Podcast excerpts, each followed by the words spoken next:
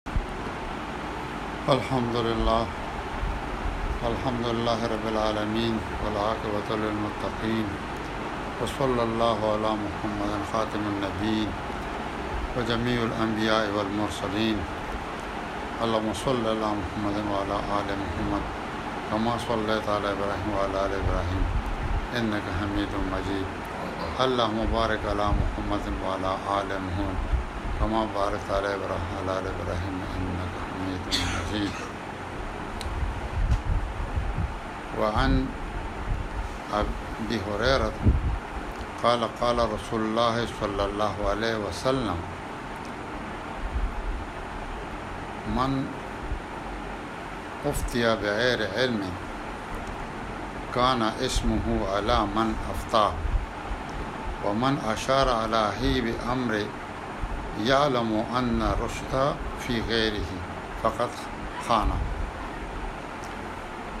ابي هريره رضی الله تعالی عنہ روایت کړي چې رسول الله صلی الله علیه وسلم او فرمایل چې څوک بغیر علم نه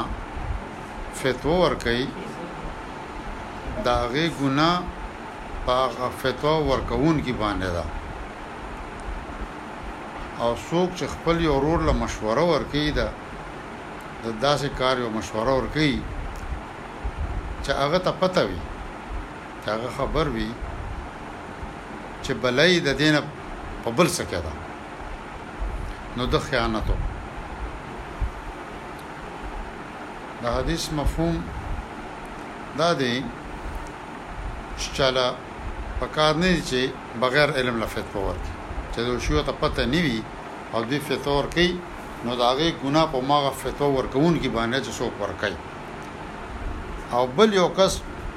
چه مشوره ورکوي یو خپل رور له چا د تپوس کړی دی څه خبره ته مشوره غوښته ده فتوی ته وایي مشوره غوښته او هغه هغه ته یو کار خی مشوره ورکوي خو ته پته ده چې د دینه د غبل کار بهتر دی یعنی بهتر کار د معلومي خدا بهتر په ځای او د بل شي مشوره کوي نو دا د خیانت وکړه دا د خیانت وکړه وان ابي هريره قال قال رسول الله صلی الله علیه وسلم تعلموا فرائض والقرآن وعلموا الناس فإني مقبوض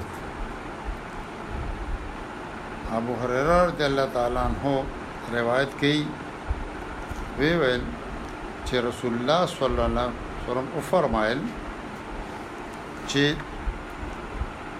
د فرایض علم زده کې او د قران علم زده کې چې علم زده کې د فرایض او د قران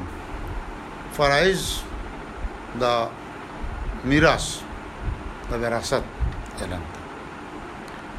او خلق ته مخایه ول چې زه ډېر زر ستاسو نه قبضه کېدونکی یم یعنی زر ستاسو نه تلونکی یم د معروف قبض کېدو والا دی په دې حدیث مبارکه کې د دوه علمونو باندې زور چول شوی دی یو خو د قران علم زده کول او بیا په هغه کې خصوصي د فرایض چې هغه خلکو حقوق دي او د دې دواړو نه اکثر په ناپوهۍ کې انسان نه غلطۍ کېږي، قصداً یا ارادتاً یا بغیر ارادې، خو یوازې په خپله زده کول نه دي، حکم یې کړی چې نورو خلکو ته هم وښایئ او او ښودلو دپاره وجه دا ورکړې وه چې تاسو هم زده کړئ او خلکو ته وایئ چې رسول الله صلی الله علیه وسلم د هغې جزا نه روان یم. زه نه قبض کېدونکی یم نو چې زه لاړ شم نو ماته چې زمانه مخکې مخکې تاسو قرآن هم زده کړی فرایز او یو بل تم خودل چې ډیر زیات خلک د دینه با خبر وي وان الحسن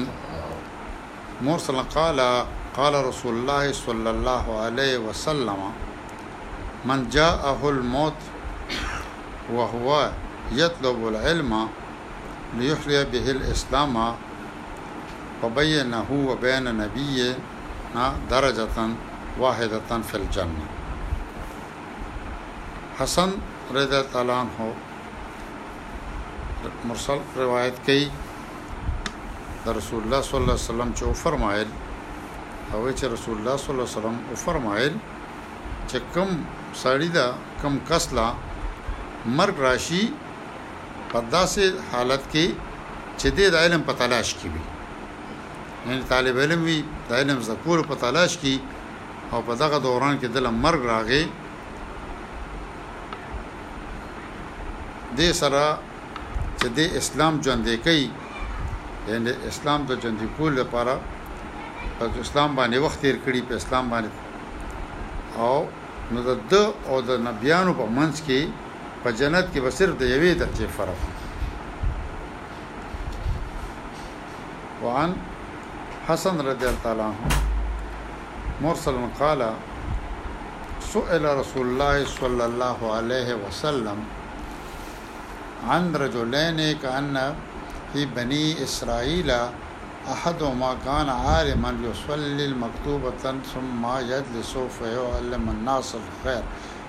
فيعلم الناس الخير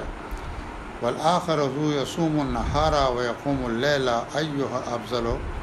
قال رسول الله صلى الله عليه وسلم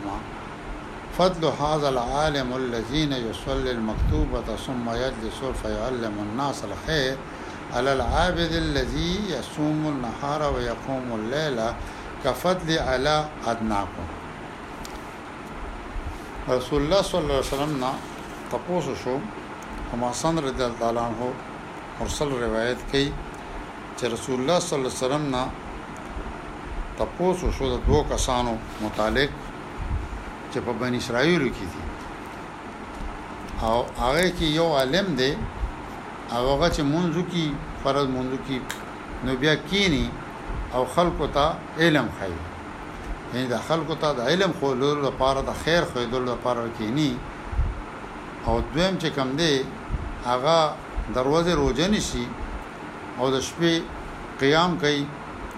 یعنی عبادت کی منځونه نفلونه تهجد نو په دې دوړو کې افضل کوم یو دی نو رسول الله صلی الله علیه وسلم فرمایل چه د دې عالم فضیلت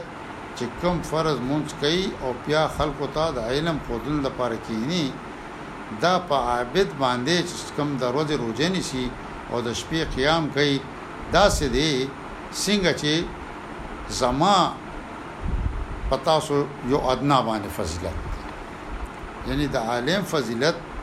د عابد نه ډیر زیات دی. نو علم زده کول ډیر زیات ضروری دی الله تعالی د مونږ ته